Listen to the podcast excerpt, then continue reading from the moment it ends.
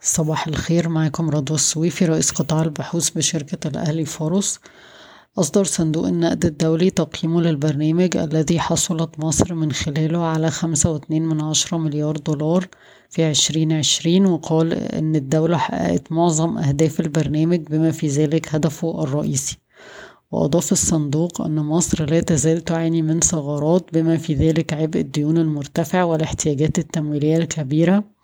ومن هنا تأتي آه، ضرورة التطوير الحاسم في تبني الإصلاحات المالية والهيكلية العميقة التي تحتاجها مصر لزيادة تنافسية اقتصادها وتعزيز الشفافية وتقوية المرونة ضد الصدمات.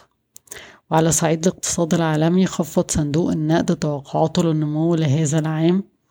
لتلاتة واتنين من عشرة في المية مقارنة بتلاتة وستة من عشرة في المية توقعها في أبريل ونمو العام المقبل خفضه لاتنين وتسعة من عشرة في المية مقابل تلاتة وستة من عشرة في المية كان متوقعها في أبريل.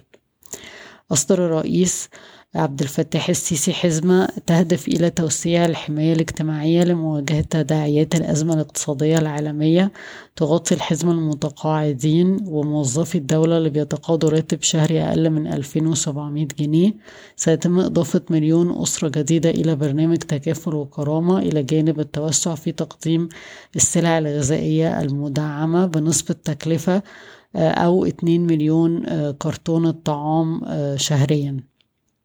قال ولي العهد السعودي الأمير محمد بن سلمان إن المملكة بتخطط لتنفيذ استثمارات ضخمة في مصر داخل مدينة شرم الشيخ كجزء من استكمال مشروع نيوم آه الذي سيتم إقامته في أقصى شمال غرب السعودية على ساحل البحر الأحمر معلنا أن المملكة آه هتؤسس صندوق آه برأس مال من 80 ل 100 مليار دولار أمريكي آه للاستثمار في مدينة نيوم. تبحث الحكومة فرص زيادة الاستثمارات القطرية في مصر من خلال اجتماع عقده رئيس مجلس الوزراء مع وزيرة التخطيط والتجارة والصناعة والرئيس التنفيذي للهيئة العامة للاستثمار والمناطق الحرة ومدير الصندوق السيادي. تتطلع الهند لضخ استثمارات في مصر بقيمة 700 مليون دولار على مدى السنوات القليلة المقبلة لتصل باستثماراتها في مصر من عشرة مليار دولار. تطلق الهيئة العامة للرقابة المالية حوارها المجتمعي حول استراتيجية تنمية سوق رأس المال من عشرين اتنين وعشرين لستة وعشرين الأسبوع المقبل.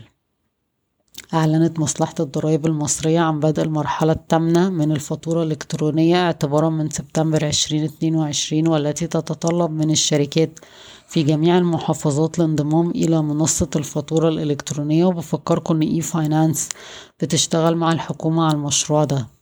سجل قطاع الاتصالات وتكنولوجيا المعلومات في مصر نمو بنسبة ستاشر وسبعة من عشرة في المية في العام المالي واحد وعشرين اتنين وعشرين.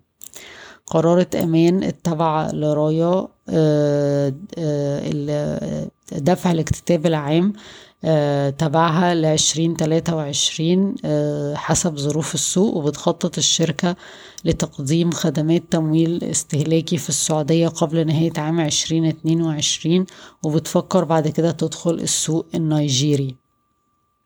رفضت هيئة التنمية الصناعية العطاء الذي قدمته شركة عتاقة للحصول على رخصة البيلت كجزء من التراخيص اللي قدمتها الهيئة في نوفمبر ولم توضح الهيئة سبب الرفض.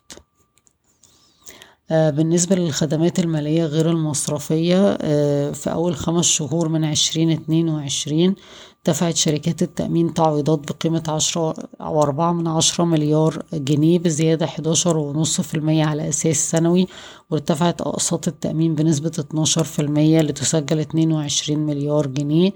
نشاط التمويل العقاري كان خمسة وتلاتة من عشرة مليار جنيه بزيادة مية ستة وعشرين في المية على أساس سنوي. آه شركات التأجير التمويلي ضخ التمويلات بتسعة ونص مليار جنيه بارتفاع مية وتلاتاشر في المية على أساس سنوي. بالنسبة للتمويل الاستهلاكي آه كان تقريبا آه قرب من اتنين مليار جنيه.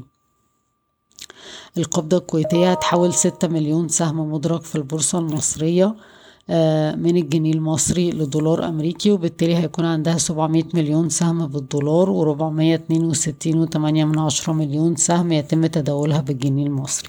أشكركم ويوم سعيد.